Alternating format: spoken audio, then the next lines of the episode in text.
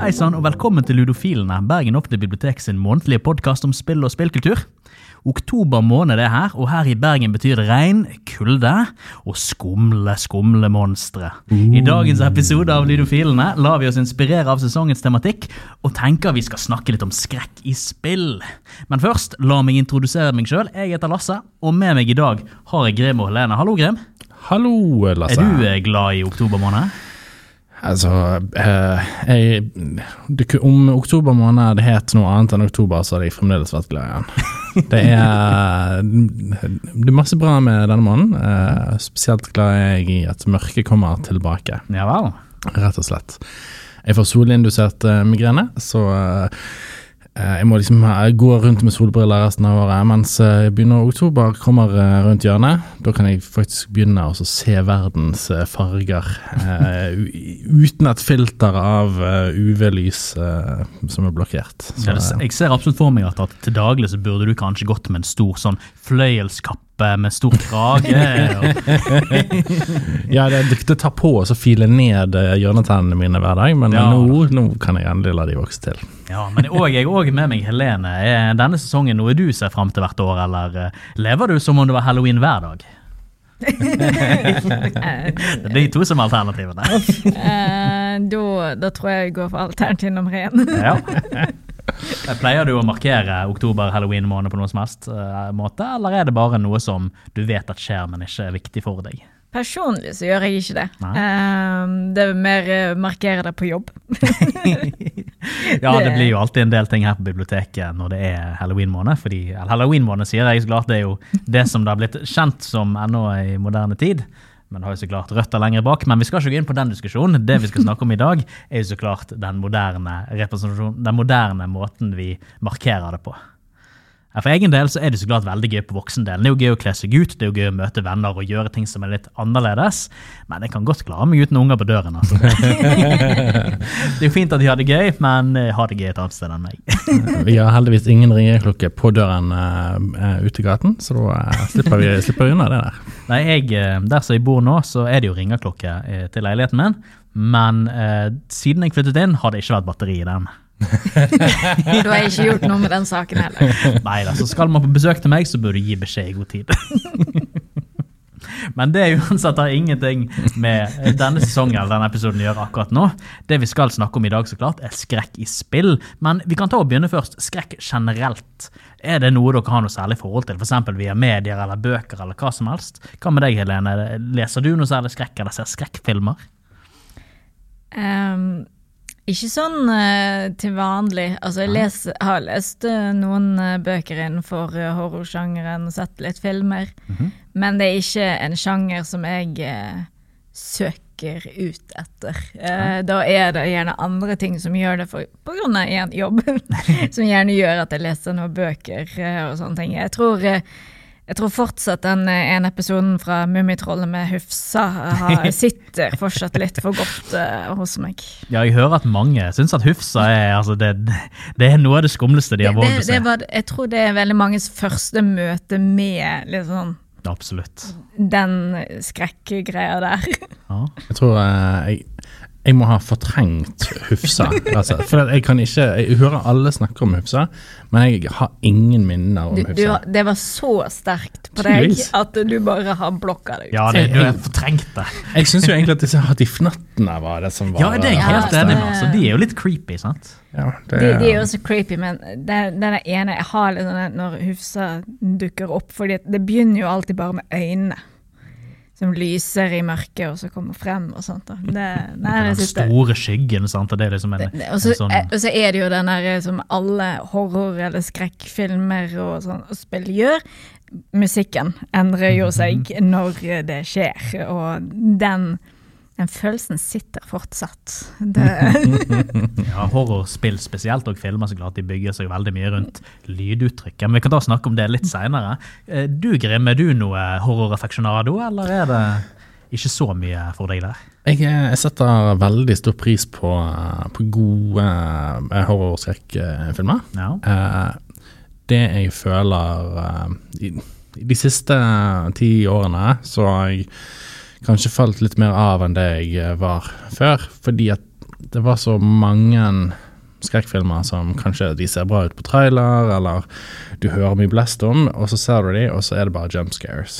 eh, og da er det litt sånn Det er liksom kanskje det kjedeligste delen av en skrekkfilm, er jo på en måte jump scaren. Altså, den skal jo gjerne Skrekken skal på en måte sitte i deg, uavhengig av om de plutselig spiller en uh, høy lyd, tenker jeg, da. Eh, så For jeg tror det er litt av grunnen min hvorfor jeg ikke liker veldig mye skrekk. Fordi jeg tror jeg har blitt skadet av mange av de filmene. Fordi jeg liker ikke jumpscare. Det er det spesifikt. Jeg har ikke noe imot sånn skummelt, men jumpscare, det, jeg liker det ikke. Og da eh, Du blir jo så vant til at det er det som kommer til å skje, at eh, nei, men det er jo bare jump scare, så hvorfor skal jeg ikke bry meg? Jeg liker ikke den følelsen. Så da, da blir det litt sånn Nei.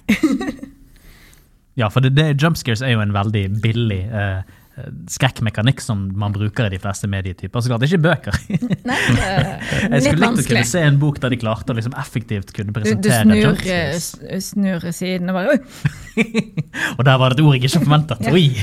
kanskje det er sånne pop-opp-bøker. eh, Jeg føler at det er et utappet marked som man kunne gjort noe ut av her. Altså, så hvis dere hører forelegger, så har dere en god idé, og jeg forventer prosenter. Nei, men altså, For egen del, altså, jeg er veldig glad i horrorsjangeren eh, i vidhet. Men altså, jump scares tenker jeg altså, det er Ja, altså, du blir jo alltid tatt av det når det skjer.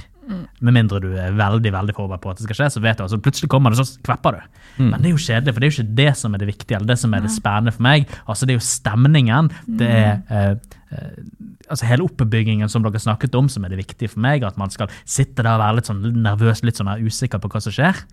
Uh, jump scares eh, er jo en måte, altså det, det er en, en, en plutselig konklusjon på den spenningen. Så det må jo gjerne jumpscares eller to til, tenker jeg. Det, Jo, det er legitimt. Ja. Men filmer som bare bruker det igjen og igjen og igjen. og igjen Ja, altså, da, altså, et par stykk her og der, det, det hører jo til for all del, og det er jo noe med Konklusjonen sånn den stemningen som du sier, så Mhm. det er ikke noe problem, men det er noen av disse her eh, I hvert fall for en del år, eh, for noen år siden så var det så mange hvor det, det var det eneste de egentlig hadde for seg, var at det var jump scares. Ja. Og det er jo veldig mye sånn, for de vet jo at det er en effektiv måte til folk til å kveppe på. Og de, altså, de gir jo en sterk eh, emosjonell reaksjon. Eh, så folk tenker jo at dette her er gøy, for altså, det er uansett bare fiksjon. sant? Eh, så det er litt sånn som med splatterfilmer og sånne ting, med at altså, det har klart å målbinde publikum, eller få seg en publikum på en eller annen måte som gjør at det blir veldig dominerende periode. Men for meg så er jo altså, det er ikke det jeg ser etter når jeg ser etter horroropplevelser. Det er jo igjen den stemningen jeg gjerne vil ha. Gjerne en tematikk som baserer seg på det okkulte eller et eller annet sånt. som, som det skal gjerne være litt, eh, eller ganske eh, virkelighetsfjernt for at jeg liker det. Eh, Så hvis det blir thriller og den type ting, hvis det er kidnappinger og drap og alkoholiserte politimenn og sånt, så bryr jeg meg ikke. Det må liksom være gjerne monstre eller et eller annet sånt. Ja, det, det skal ikke være hverdagslig, tenker jeg, for at jeg liker det. Og hvis det bare baserer seg på at det plutselig snur det seg en person, å, er det et monster hele tiden, så, så blir jeg lei. da er ikke det det jeg ser etter. Men jump scares, vi kan jo gå videre litt. eh, eh, For det er jo noe som blir brukt mye i spill. Kanskje ikke i brettspill, da. Eh, Spiller dere noe særlig brettspill med horrortematikk eller noe sånt? Hva med deg, Helene? Jeg vet du eh, nevnte House eh, on the, uh, Haunted yeah. House on the Hill, er det det det heter? Eh, Jeg har det på telefonen, Ja. for jeg klarer aldri det navnet riktig. Nei, det er en, det er en Betrayal Betrayal at House on the Hill. Det er jo et navn som er helt idiotisk. Ja, så, for jeg går altså alltid til Haunting Hill, for det er jo en annen eh, Det er jo noen filmer og sånt og serier Mhm. som heter det. Det er vel basert på en novelle, tror jeg, Det er mulig. eh, fra gammelt av, som heter et eller annet Haunting eh, House eh, Ja. Ja, for er spillet basert på dette, bare de klart har laget et nytt navn for å Jeg unngå tror eh, litt sånn Tanken rundt det er det gjerne det. Mhm. Eh, det er, handler jo om at eh, Nå husker jeg ikke all av mekanikken eh, akkurat nå, men eh, du går inn eh, som en gjeng, alle sammen som spiller dette brettspillet, Mhm. eh, inn til et hus som da er hjemsøkt. Mhm. Eh, og mens du er der, så vil det skje forskjellige ting. Det vil være noen omens som dukker opp. Og på et tidspunkt så vil en av spillerne bli til en forræder. Mm. Eh, og, det, og det er en mekanikk som jeg synes er veldig kult i det spillet. da, Det er jo da at eh, spillet har to uh, da sånne hefter med historien videre. For ut ifra uh, hva Omens står for, og sånn, så skal historien følge en ny historie. Og da skal forræderen gå ut av rommet og så lese hvordan den personen kan vinne spillet, mens resten av gruppen leser sin side, og hvordan de kan vinne. da. Og det er eh, det er jo da ingen jump scares, som jeg har vært borti i hvert fall, i det spillet. Men det går liksom på det du sier med Det er jo Det tar jo fra alle sånne horror... Eh, element. Ja, ja det er Kutulu-elementer og altså alt dette her med Besettelser, spøkelser, Ja. Ouija-boards, alt så, mulig. så det er veldig Og det, jeg syns også det er veldig kult og gøy i spill, andre spill også, når det følger de, de tingene der, da. øh, som jeg syns de gjør veldig godt, å klare å blande alt mulig rart uh, inni det. Så ja. Det som, eh, det som gjør det litt sånn ekstra gøy, da, og jeg har spilt det en god del, eh, en god del sjøl, er at når, når forræderen forlater rommet og leser reglene sine og finner ut, at, finner ut hva er det de skal gjøre, så kommer de tilbake inn, inn i rommet, og da er det på en måte Da blir eh, resten av de som spiller, de blir på en måte introdusert til det ukjente. Og det ukjente er jo på en måte alltid litt sånn skummelt. da. Ja. Og plutselig så sier forræderen Du, fra, fra boksen, fra spillboksen, så trenger jeg Jeg trenger fire tokens med sånne hunder på. Jeg trenger eh, fem tokens med sånne vampyrer på. Og så eh, må jeg ha noen sånne ekstra tokens. Og så, så, så begynner de Ja, OK, men hva, hva trenger du de til? Plutselig så begynner han å sette ut disse brikkene på kartet. Så bare sånn, Nei, men hva er det de gjør? Sant? ja, for du begynner å overanalysere alt det Ja, forræderen begynner å gjøre. bare sånn, ja, men Ok, og Så prøver du å finne ut Å ja, han må gjøre det og det for at han skal vinne, og vi skal tape. Men så er Å nei, så gjør han noe annet. Nei, men hva Du, du, du, så spør du, da. Hva er det du skal med de, da? Så ser du opp på han. Det eneste han, det eneste han gir deg tilbake, det er et stort smil. Ja, for Portrayal at House on Hill er jo utrolig kult. for altså, Det begynner jo med den der kooperative opplevelsen. Dere er liksom eh, Scooby-Doo-gjengen som reiser til et forlatt hus for å finne ut av et mysterie. Eh, og så leter dere etter ting og prøver å løse ting sammen, men så er det da den plot-twisten med at plutselig blir en person en forræder. Og da liksom går du ut av rommet, du får din egen regelbok, så leser gjennom hm, hvordan, hva spesielle mekanikker kan jeg bruke for å vinne nå mot mine, tidligere kompanjonger. Og i mellomtiden så sitter jo de der inne, oi shit, nå er den personen blitt, uh, blitt, blitt, blitt eh, eh, the betrayer. Så nå plutselig når du kommer inn igjen, så blir det et tydelig uh, stemningsskifte. Liksom at du, liksom, du har de som satt igjen i rommet, de ser nå på deg som en motspiller. ja. Altså, det, det høres jo kanskje litt antagonistisk ut, men det er jo ikke det. Det, blir, det var morsomt liksom, Først spiller dere sammen og har det gøy, og så blir det plutselig helt tilfeldig Ja. hvem da som blir den nye motspilleren. Ja da, og det er Nei, jeg syns det er veldig godt satt opp på den måten, da. eh, hvordan, fordi at det, de som er igjen, må jo fortsatt samarbeide om hvordan de skal kunne Om det er at de skal komme seg ut av huset med at eh, to av tre i hvert fall må komme seg ut, eksempel. Eller tror jeg i den ene så er det i hvert fall bare én som faktisk må komme seg ut. En, men jeg tror det er spesifisert kanskje gjennom vindu eller døra. Eh, og da er det jo liksom Må man jo eh, jobbe for at vi i hvert fall får én person ut. Men så har du denne personen som har sånn Du vet ikke hva de planlegger, du aner ikke hva, hva de er opp... Nei, for det er jo en ting med den betrayeren. De får jo et eget oppdrag når de blir betrayer, eh, som ikke nødvendigvis består av å kverke alle sine tidligere medspillere. Det blir jo, kan godt hende at de bare skal eh, besette et rom eller finne en juvel eller et eller annet. Og man vet jo ikke nødvendigvis hvordan, eh, hva de skal gjøre, eller hvordan vi som resten av spillere skal klare å motvirke dette her. Så det er som, da, fra før har man liksom gått rundt og utforsket, man har samme mål, man egentlig vet hva man skal, men så blir alt sammen kastet opp i luften, og du får mye mer, sånn, usikkerhet. Eh, Så klart Dette fungerer bare hvis man ikke har spilt spillet en del ganger. fordi det er mange forskjellige scenarioer eh, som man kan ende opp med som betrayer. Mm. men har du spilt en stund, så vil du jo kjenne det igjen. Ja. Eh, så det er jo et spill med begrenset levetid, men du skal jo spille gjennom en del ganger før du begynner å komme over de samme scenarioene. Det er, det er, det er 50 forskjellige i basespillet, så eh, ja. Det, det, det tar nok en stund før man kjenner det igjen. Absolutt. Dette her er jo et spill som høres supert ut å ha for eksempel hvis du skal på hyttetur nå i høst, eller kanskje til påsken til neste år. Dette her er jo altså en, en ungdomsgjeng som reiser ut på hytten i påsken, er jo en klassisk horrortrope.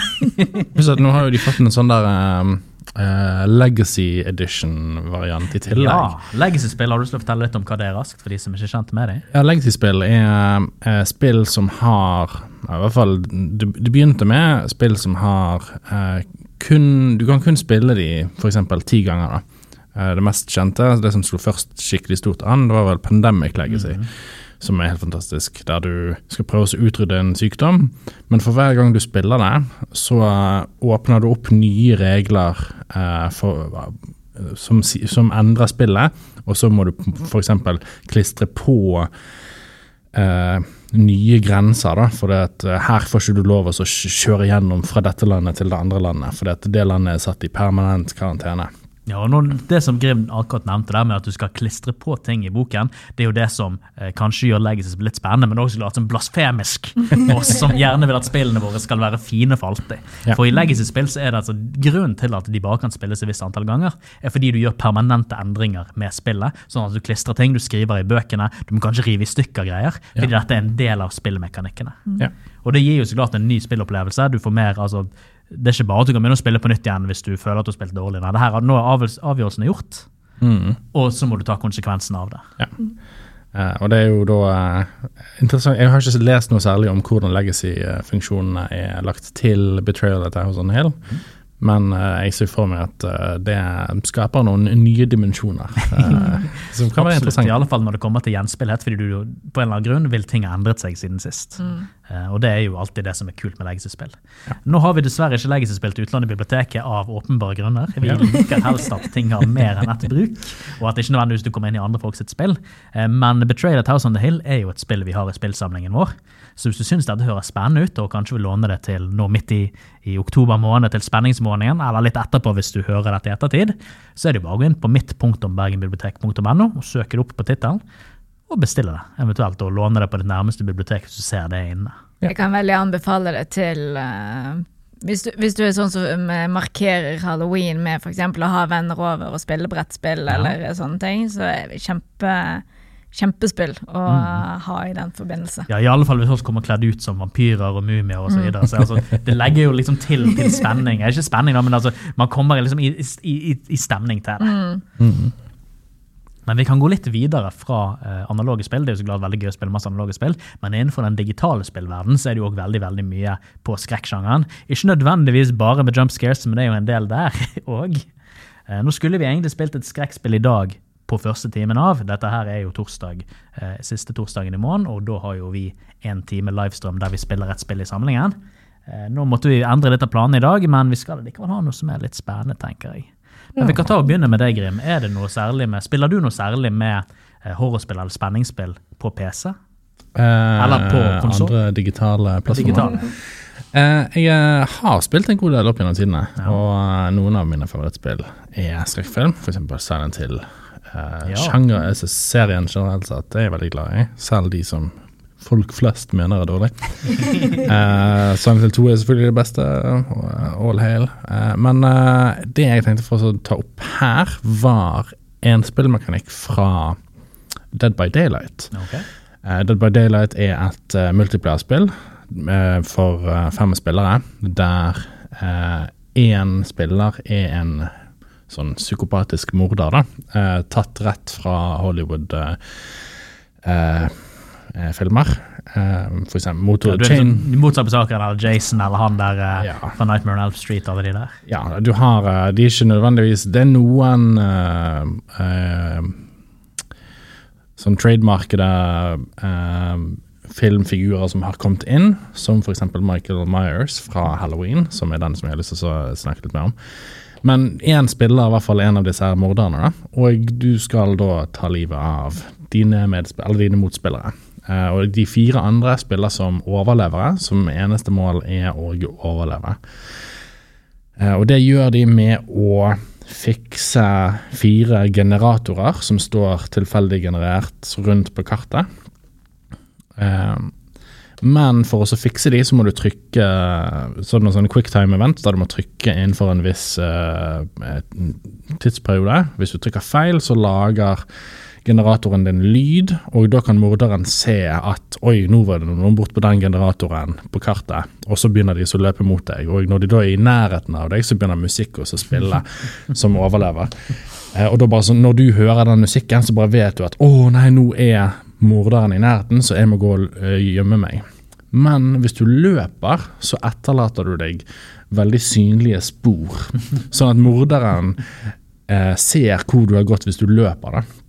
Så du har lyst til å du har lyst til å løpe, men du vet at hvis du gjør det, så blir du sett. Så du er nødt til å snike deg, men da, da går morderen raskere enn deg enn hvis du løper. Så det er veldig kult, det der. da. Ja, for dette her er jo veldig veldig kule sånne der klassiske skrekkspillmekanikker. med liksom med at eh, du er nødt til å unngå eh, motstandere, du er nødt til å unngå monstre som jager på deg på en eller annen måte. Mm. Men for å gjøre det, så gjør du deg òg sjøl eh, eh, vulnerable på en eller annen måte. Absolutt. Men det som er så kult med Michael Myers-karakteren fra Halloween, det er at eh, hvis eh, Michael Myers står og ser på deg Nå husker jeg ikke hvor lenge, men jeg tror det er snakk om eh, sånn 15 sekunder eller noe sånt. Da blir han bedre. Han starter som veldig treig og veldig dårlig.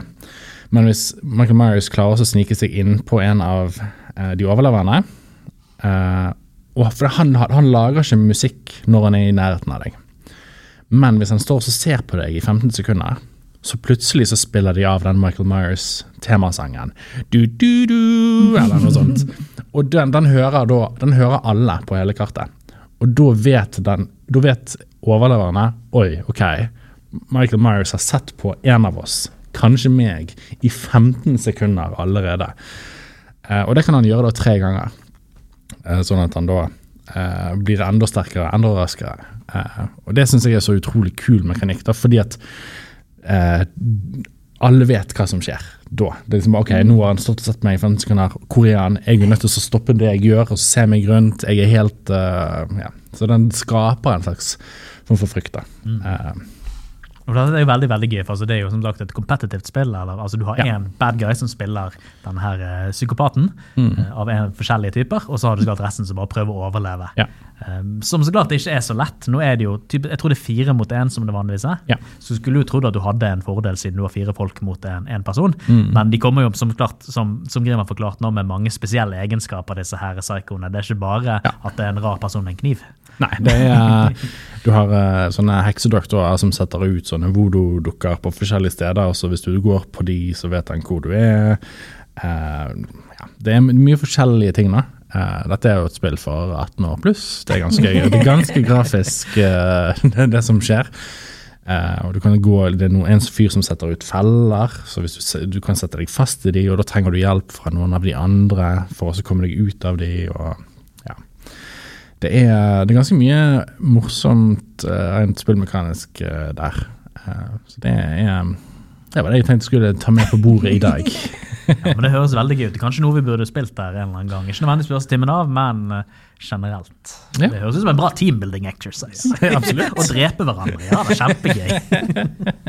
Noen må jo redde hverandre òg der, så Den delen er, så, så- er ikke så gøy. Eller så viktig. Men du da, Lasse? Hva med deg og spill? Ja, altså Når det kommer til horrorsjangeren, jeg er veldig glad i horrortematikken generelt, men det er ikke nødvendigvis de skremmende spillene jeg spiller så mye, som bare det som er løst innenfor horror tematisk. Altså Snakker vi om det okkulte, om monstre og den type ting. Eh, og det er jo så klart eh, Tim Burton-aktig grafikk hjelper jo. Nå snakker jeg jo så klart om eh, eh, Don't Starve. Det er jo så klart glad i. Det er jo en kombinasjon av eh, litt sånn Minecraft-aktig å overleve, samle ressurser og sånt, og så klart eh, en veldig veldig fin estetikk, men òg det at med en gang det blir natt, eller med en gang du går litt langt vekke fra basen din, eller der du bor, så Ja. er det mye skumle skumle ting som jager på deg. Så det er jo ikke skummelt, men det er jo liksom den der overlevelsesutfordringen og den der eh, tematikken, mekanikken og grafikken som gir det dette her allikevel. Altså det, det er jo horrorrelatert på en eller annen måte.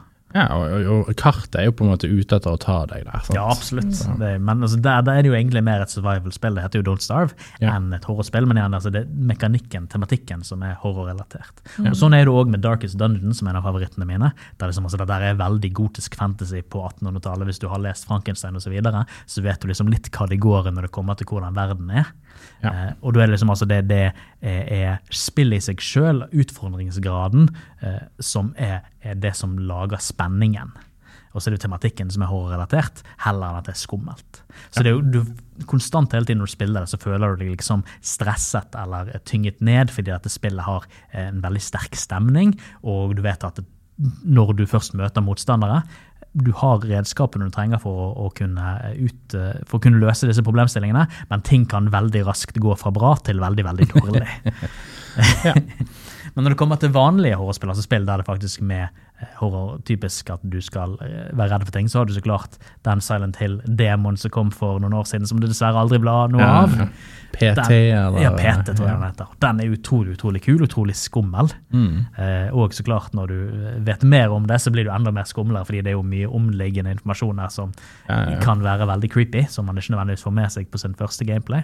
Men når du kommer til det første skikkelig horrorspillet som, som satte seg igjen på meg som en kul opplevelse, så er det uh, Project Zero-serien. Jeg vet ikke om dere er kjent med den? Ja, jo, det var PlayStation 2. Uh, eh, ja, Project Zero 2 tenker på. Så yeah. Det første var jo da en, en person som var i et, et uh, mystisk sted i Japan, i et forlatt hus, der det var en eller annen rar kvelerkult som hadde gjort noe for mange år siden, som var stedet blitt forbannet. Og så var det alle disse mysteriene du skulle finne ut av, og så var det da spøkelser som kom etter deg, og de er utrolig utrolig creepy med PlayStation 2-grafikken. Men altså, det har ikke nødvendigvis grafisk holdt seg så veldig godt, men altså, spenningen er fremdeles der. For dette er et spill som er veldig veldig flink til å spille på god lyd. Så. Det er veldig veldig, veldig mye creepy lyder rundt deg. Alle spøkelsene som kommer etter deg, har veldig kjipe lyder. og sånne ting. Så så Man går hele tiden rundt med denne spenningen rundt seg, rundt å være redd for hvor kommer spøkelsene ifra, og så hører du liksom hele tiden den der undertrykkende lyden som ikke lar deg hvile, nesten. Ja. Men det beste i den serien var jo uh, Project Zero 2 uh, eh, Crimson Butterfly, tror jeg heter, som jeg hadde på Xboxen. Uh, og Der spiller du da to jenter som skal da inn, eller kommet inn i en spøkelseslandsby og må finne ut av det, og så skjer det utrolig kjipe ting for, på dem etter hvert. Fordi dette her viser seg i denne landsbyen her, de må ofre tvilling, eller en av en tvilling for å hindre en sånn der brutalt underverden for å åpne seg. og sånne ting, og så blir jo disse spøkelsene vil jo bruke det til og sånne ting. Så det, det er en skummel ja. opplevelse, iallfall med tanke på at du går rundt med hun og søsteren mesteparten av tiden. Og så gjør du ikke det, fordi ting skjer.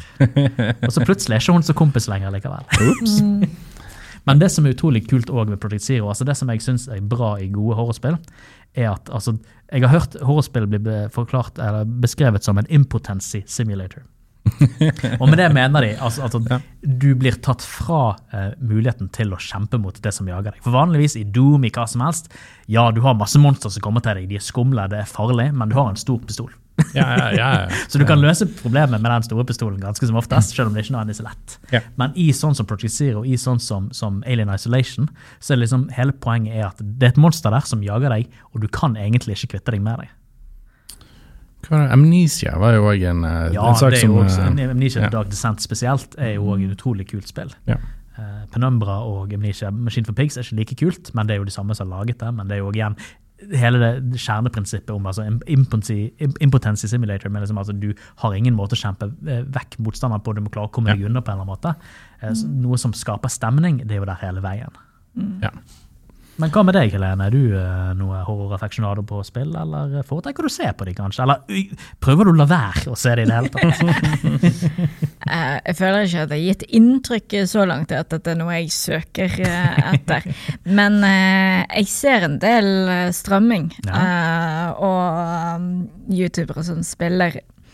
For jeg er jo veldig på historie. Hvis jeg syns at Som jeg tror jeg har gitt uttrykk for i andre podkaster. Jeg kan tilgi mye hvis det er en god historie. Ja. Så hvis det er ting som fascinerer meg, eller syns er liksom, ja, interessant, da, så uh, ser jeg gjerne uh, Let's Plays og sånt, da. Og da blant annet I nyere tid så er det jo da Resident Evil. Ja, det, de to nyeste, som Det er ved syv og åtte. Ja. Biohazard og, og Village heter det vel. Ja.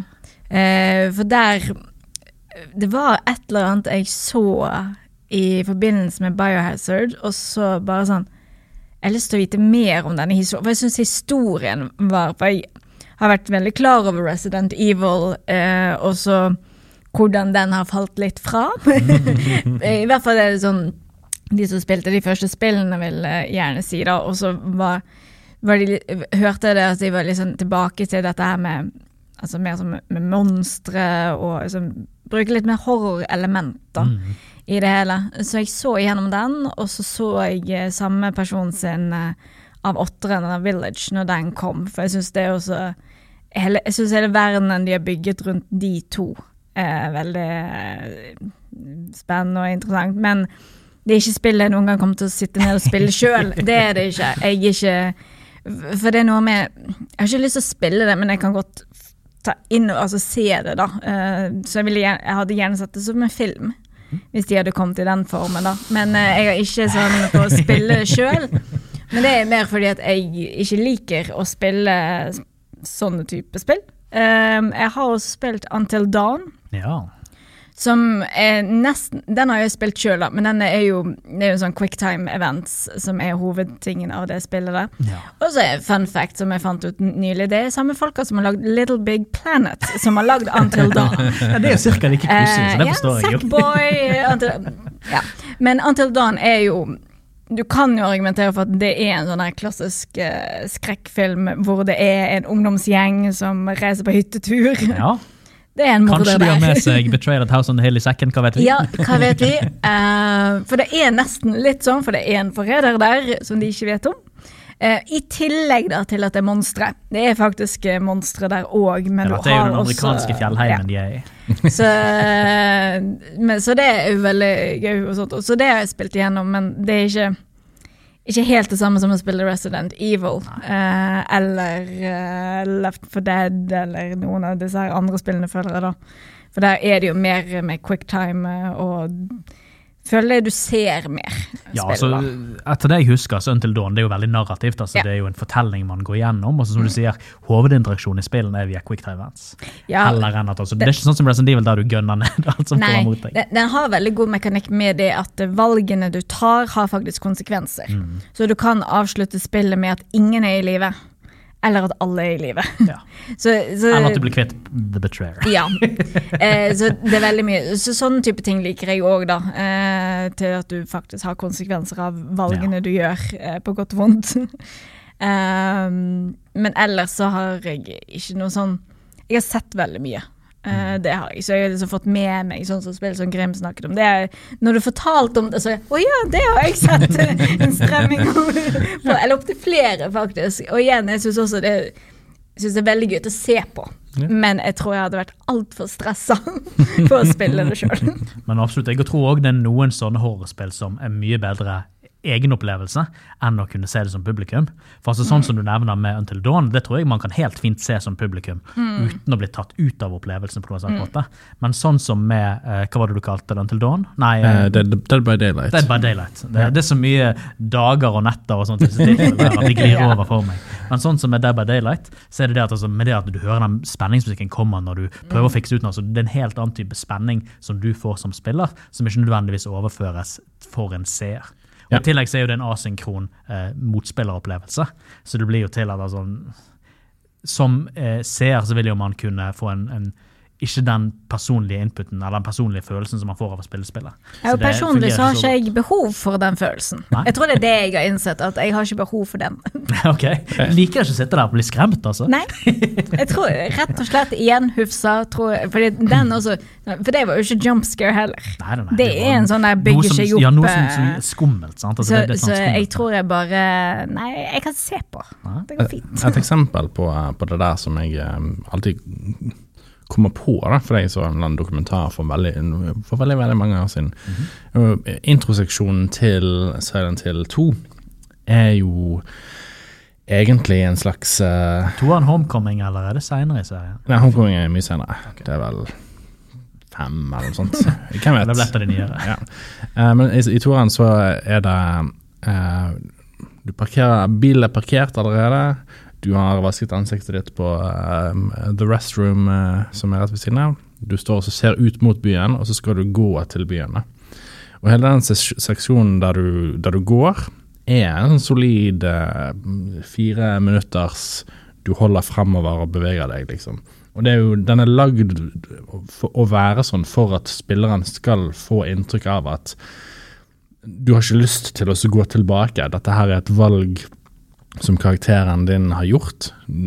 Du skal inn i Silent Hill, og det er på en måte Hvis du ser det på en film, så er det veldig fort å bare ah, ta opp mobilen, og så venter du til å nå skjedde det noe på skjermen. Ja, Ja, Mens- for Da er du bare en passiv seer, istedenfor at du aktivt har blitt tvunget til å gjøre dette valget. ja, du vet hvor langt det er å gå tilbake til den der bilen. Ja. Du har ikke lyst til å gjøre det. Nå skal jo sies at spillet lar deg ikke gjøre det òg, for så vidt. Når du kommer forbi den første døren, så hvis du prøver å gå tilbake igjen, så sier det sier han noe sånn som at I've made my choice. and I'm not going back. Ja, nei, men eh, Vi kan ta og gå litt tilbake på filmer. fordi Du sa jo at uh, du vil gjerne kunne sett uh, de der eh, Resident Evil-filmene som filmer. Uh, Resident Evil-spillene som filmer. Og da tenkte jeg vær forsiktig med hva du spør om, altså, for det har jo vært en del Resident Evil-filmer. Oi, oi, Og de har vel Jeg syns ikke de har vært de beste filmene. Jo, men de, de føler jeg er litt mer i der hvor spillene var for et par år siden, før disse her eh, to nyeste, da. At det er mer uh, gunning down, altså skyte og spenning, thriller, eh, altså Det er ikke altså, Sånn som i disse her spillene, så er det jo mye mer Altså, det er jo eh, folk som eh, blir påvirket av da, mutasjon og virus og sånne ting, og blir litt sånn Men du vet ikke om det er faktisk Altså, det, det, det er veldig mye i den spenningen der enn å bare gå rundt og Jo da, du går rundt og skyter, men uh, det, det blir bygd opp på en helt annen måte enn så Jeg har ikke sett eh, Resident Evil-filmene, det har jeg ikke, men eh, fra det jeg har sett og lest, så er det litt mer i den Ja, gaten det, altså, det er mer en actionfilm. Men, ja. det er ikke en skrekkfilm. For, eller, de er ikke skrekkfilmer. Og de er, ikke, de er veldig løst basert Ja. på uh, Ja, det er noe med noe virus, og det er noe med Umbrella Corporation og greier. Og greier. Ja, de- de har noen av navnene som hører til fra spillene, og så har de spunnet uh, Ja. videre, da. Men sånn som i disse to spillene her, så er det jo også litt sånn For det er jo noe jeg syns er gøy med For de hinter For det, du vet egentlig ikke om det Biohazard hører til faktisk i samme univers Mm. som resten av Resident Evil, men det kommer jo litt og litt. Ja, Og det du kommer får jo lø- noe drypp mer ja, og det er jo sånn noe jeg liker i type horrorting, når du liksom Altså eh, clues som du plukker opp på Mm. å finne ut av hva det er som faktisk skjer her, og ja. sånn Og det som jeg liker veldig godt med horror generelt, det er håret horror som er flink til å eh, fortelle en historie, men lar veldig mye være implisitt, yeah. sånn at du er nødt til å tolke. Eh, og nå er jo altså Darkest, nei, uh, Dark Souls det er ikke horror, selv om det er både skummelt og vanskelig. Men de gjør jo dette her veldig godt. altså Både det at de har den her gotiske verden, både med, altså med, med hvordan altså, dette her er, her er alt går til helvete, det er ingenting man kan gjøre for å fikse det, så man må fortsette sin eksistens så lenge man kan, bare fordi man har ikke noe annet. Det er liksom denne veldig sånn her, eh, trøstesløse håpløsheten som de presenterer, men òg all historiefortellingen, hva som har skjedd, hvorfor det har blitt sånt. Det kommer jo bare gjennom drypp og små hint gjennom, uh, gjennom itembeskrivelser og den type ting. Så man får liksom kanskje aldri et krystallklart bilde av hvorfor det er sånn, eller hva historien er, men du får liksom inntrykk til at kanskje er det derfor. Og det syns jeg er veldig bra. Ja. Jeg vil bare si dobbeltsjekk. Det, det er DLC til Little Big Planet, ja. de som har lagd Until Dawn har lagd, men de er fortsatt involvert i Little Big Planet. Jeg syns fortsatt det er et stort hopp. Men, men, men, Sier du at uh, Until Dawn er en DLC til uh, Little Big Planet? Altså, jeg begynner jo å trekke konklusjoner her. Uh, hvem hva er det Sackboy har vært opp til eh, i disse DLC-ene? Altså Han er jo litt creepy, han. og Dere har jo så klart sett uh, Nightmare Before Christmas begge to, jeg tro. Ja, ja. Ja, og der er det jo han, Han han som er bad guyen, sklidd- Oogie Boogie Man. Det er helt sant. Og det er jo en stor sekk fylt med Ja. Sackboy kunne sklidd rett inn der. Ja, da, ja, ja. Gjør han litt mer grålig, så Og gi en noen løse tråder i drakten, så ser han plutselig litt sånn mer creepy ut. ja, ja. Så, Mistet øyet, kanskje. ja da, så jeg tror ikke Altså, det er ikke så langt ifra der. Nei. Og der har du igjen det at altså, og lett kan liksom bare bruke uh, søte ting som man er vant til, og gjøre noen små endringer, sånn at det plutselig blir litt forstyrrende. Sånn som så klart med dukker og sånt. Ja. Som man så klart er blitt et, et gjennomgående tema i diverse spill. Blant annet Resident Evil Village, der det er et, et eget hus med en, en som eh, er laget av en dukkemaker. Og det er jo så klart, syns jeg, er høydepunktet med det spillet. Så hvis du ikke har spilt Resident Evil Village, eller du ikke har kommet til dukkehuset ennå, så har du noe å glede deg til. Uh, det minner meg om uh, Condemned på Xbox 360. Ja. Der er det noe sånn mannequin-hus uh, som er ganske ja, intenst. Ja, nei, det, det er jo noen spill som har noen veldig veldig eh, tunge horrorsekvenser. Jeg husker jo når jeg spilte Thief 3 for en haug år siden. Uh, da var det da at du skulle snike deg inn Altså, Thief-spillet handler om at du er en tyv. Og du skal bryte deg inn i steder, ta penger og stikke av uten at hun oppdager deg. Det er løst sett. Men dette er òg sittet i en sånn type uh, dark tech fantasy, der det er en sånn type uh, steampunk-antiteknologi som eksisterer, og så er det noe mystisk okkulte magi-greier som skjer i bakgrunnen. Uansett, poenget er at du skal snike deg inn i et gammelt uh, galehus, som òg har vært et barnehjem. Eh, Ja, og dette, er så klart, det har skjedd mye mye rart i dette gamle, Ja, gamle galehuset slash barnehjemmet. eh, Og det er spøkelser, og gud vet hva som er der. Og så er det så klart, Thief er òg, som de fleste spill som er horror, er veldig veldig flink til å spille på lyd. Eh, Så når du, som du sniker deg rundt, og hele spillet er jo Thief er jo at du skal snike deg rundt ikke bli oppdaget. Eh, Og når i tillegg det er mye skummelt som du ikke kan slåss med, for dette her er jo overnaturlig, eh, eh, overnaturlige vesener, så får du en eller annen impotens i simulatoren du ikke kan kjempe mot. Du er nødt til å snike deg rundt. Og det, er mye skumle lyder og sånne ting som er rundt deg hele tiden. I tillegg i Thief så har du en mekanikk. Denne her hovedpersonen Gareth eh, har byttet ut øyet, sitt, eller fått det byttet ut, jeg husker ikke sammenhengen der, eh, med en eller annen type sånn der ele- elektronisk, eh, mekanisk øye, som gjør at han kan se i, med, i mørket med det. Eh, Men det er så klart veldig dårlig svart-hvitt-syn. Og det er sånn hele tiden sånn elektrisk summing når han bruker det øyet, som fungerer veldig bra i kombinasjon med liksom den skumle ambiensen i dette spillet. her. Så det, det, Spillet er ikke et horrorspill, men akkurat den opplevelsen er veldig veldig skummel. Men nå begynner klokken å bli såpass mye at vi faktisk egentlig må gi oss i dag. Jeg skulle gjerne snakket mye mer om horrorspill, og vi har så vidt gravd litt på overflaten her, men vi må nok gi oss, altså. Men som sagt, eh, enten om det er et digitale horrorspill som dere vil låne, eller om det er sånne gøye opplevelser som Betrayed at the House on the Hill, så har biblioteket mye gøy i samlingen. Så gå inn på bergenbibliotek.no spill og se gjennom samlingen vår der, og lån med deg det du tenker passer. Så får du kanskje en litt ekstra grøsselig og litt ekstra hyggelig halloweenfeiring i år. Men det er det vi hadde her fra i dag, så veldig hyggelig at dere hadde mulighet til å være med meg, Helene og Grim. Så vi får ta og snakkes for denne gangen. Uh, vi får snakkes en annen gang, blir det vel. så får dere ta og oppføre dere til vi snakkes neste gang. Ha det bra. Ha det.